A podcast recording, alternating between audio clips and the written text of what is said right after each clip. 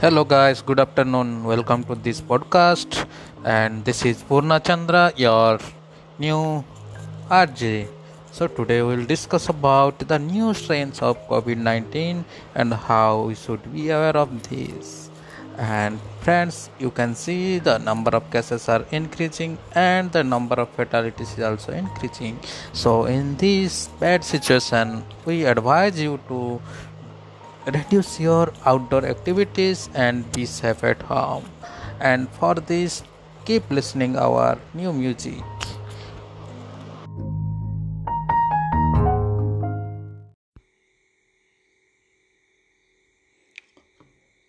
मुंशी रामसेवक चांदपुर गाँव के बड़े रईस थे रईसों की सभी गुण इनमें भरपूर थे मानव चरित्र की दुर्बलताएँ उनके जीवन का आधार थी वह नित्य मुंसिपी कचहरी के हाथ में एक नीम के पेड़ के नीचे कागज़ों का बस्ता खोलकर एक टूटी सी चौकी पर बैठे दिखाई देते थे।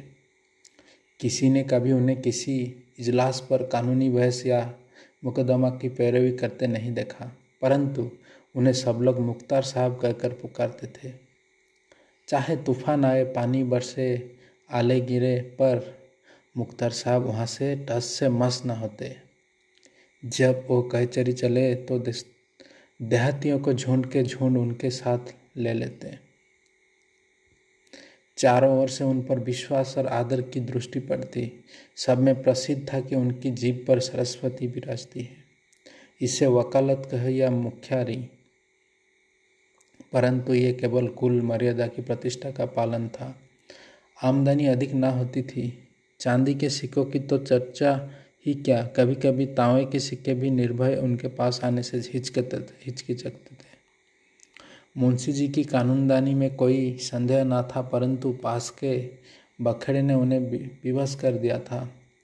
खैर, जो हो, उनका यह पैसा केवल प्रतिष्ठा की अनाथ पर खाने पीने की सुखी विधवाओं और भोले भाले किंतु धनी वृद्धों की श्रद्धा थी। विधवाएँ अपना रुपया उनके यहाँ अमानत रखती। बूढ़े अपने कपूतों के डर से अपना धन उन्हें सौंप देते, पर रुपया एक बार उनकी मुट्ठी में जाकर फिर निकलना भूल जाता था। वह ज़रूरत पड़ने पर भी कभी कभी कर्ज ले लेते थे। भला बिना कर्ज लिए किसी का काम चल सकता है? भोर को साँझ के करार पर रुपया लेते, पर वहाँ साँझ कभी नहीं आती थी। सारांश मुंशी जी कर्ज लेकर देना सीख नहीं थे। यह उनकी कुल प्रथा थी। यही सब मामले में मुंशी जी के सुख चैन में विघ्न डालते थे। कानून और अदालत तो सो, उन्हें कोई डर न था। इस मैदान में उसका सामना करना पानी में मगर से लड़ना था। परंतु जब कोई दुष्ट उनसे भिड़ जाता, उनकी ईमानदारी पर संदेह करता और उनके मुँह पर बुरा भला कहने पर उतार हो जाता, तब मुंशी जी के हृदय पर बड़ी चोट लगती। यह प्रकार की दुर्घटनाएँ प्राय होती थी। हर जगह ऐसे अच्छे लोग रहते हैं जिन्हें दूसरे का नीचा दिखाने में ही आनंद आता है। ऐसे लोगों का सारा कभी कभी छोटे आदमी मुंशी जी के मुँह लग जाते थे। नहीं तो एक कुंजाडिन की इतनी मजाल नहीं थी कि आँगन में जाकर उन्हें बुरा भला कहे। मुंशी जी उनके पुराने ग्राहक थे। वर्षों तक तो उसी साग भाजी ली थी। यदि दाम ना दिया जाए तो कुंजन को संतोष करना चाहिए था। दाम जल्दी या देर से मिल ही जाते, परंतु वह मुँह कर कुंडजिन जो दो ही वर्षों में घबरा गई और उसने कुछ आने पैसा के लिए प्रतिष्ठित आदमी को पानी उतार लिया।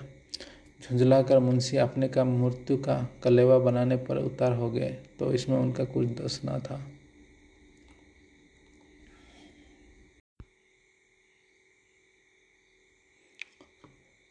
मुंशी रामसेवक चांदपुर गाँव के बड़े रईस थे।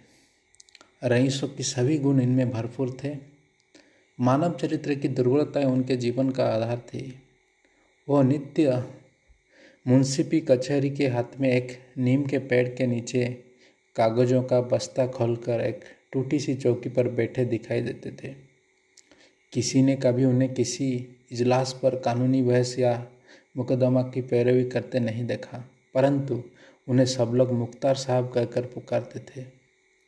चाहे तूफ़ान आए, पानी बरसे, आले गिरे, पर मुख्तार साहब वहाँ से टस से मस न होते। जब वो कचहरी चले तो देहातियों को झुंड के झुंड उनके साथ ले लेते। चारों ओर से उन पर विश्वास और आदर की दृष्टि पड़ती। सब में प्रसिद्ध था कि उनकी जीप पर सरस्वती विराजती है।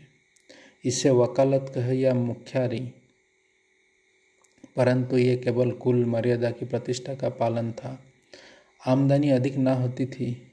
चांदी के सिक्कों की तो चर्चा ही क्या? कभी कभी तांवे के सिक्के भी निर्भय उनके पास आने से हिचकते थे, हिचकिचकते थे।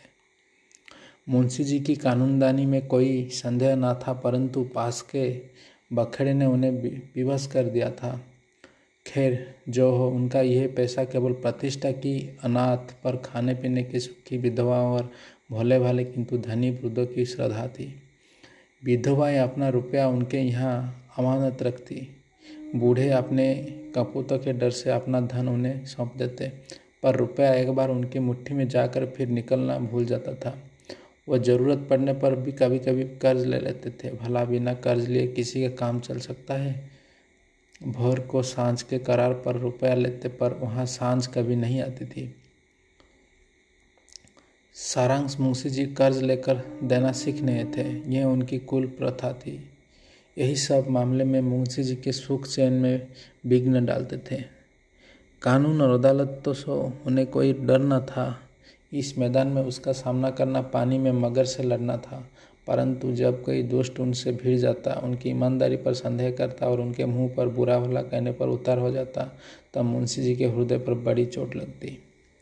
यह प्रकार की दुर्घटनाएँ प्राय होती थी। हर जगह ऐसे अच्छे लोग रहते हैं जिन्हें दूसरे का नीचा दिखाने में ही आनंद आता है। ऐसे लोगों का सारा कभी छोटे आदमी मुंशी जी के मुँह लग जाते थे, नहीं तो एक कुंजाडिन की इतनी मजाल नहीं थी कि आँगन में जाकर उन्हें बुरा भला कहे। मुंशी जी उनके पुराने ग्राहक थे। वर्षों तक उसी साग भाजी ली थी। यदि दाम ना दिया जाए तो कुंजनडिन को संतोष करना चाहिए था। दाम जल्दी या देर से मिल ही जाते, परंतु वह मुँह कर कुंडजिन जो दो ही वर्षों में घबरा गई और उसने कुछ आने पैसा के लिए प्रतिष्ठित आदमी को पानी उतार लिया। झुंझला कर मुंशी अपने का मृत्यु का कलेवा बनाने पर उतार हो गए तो इसमें उनका कुछ दोष ना था।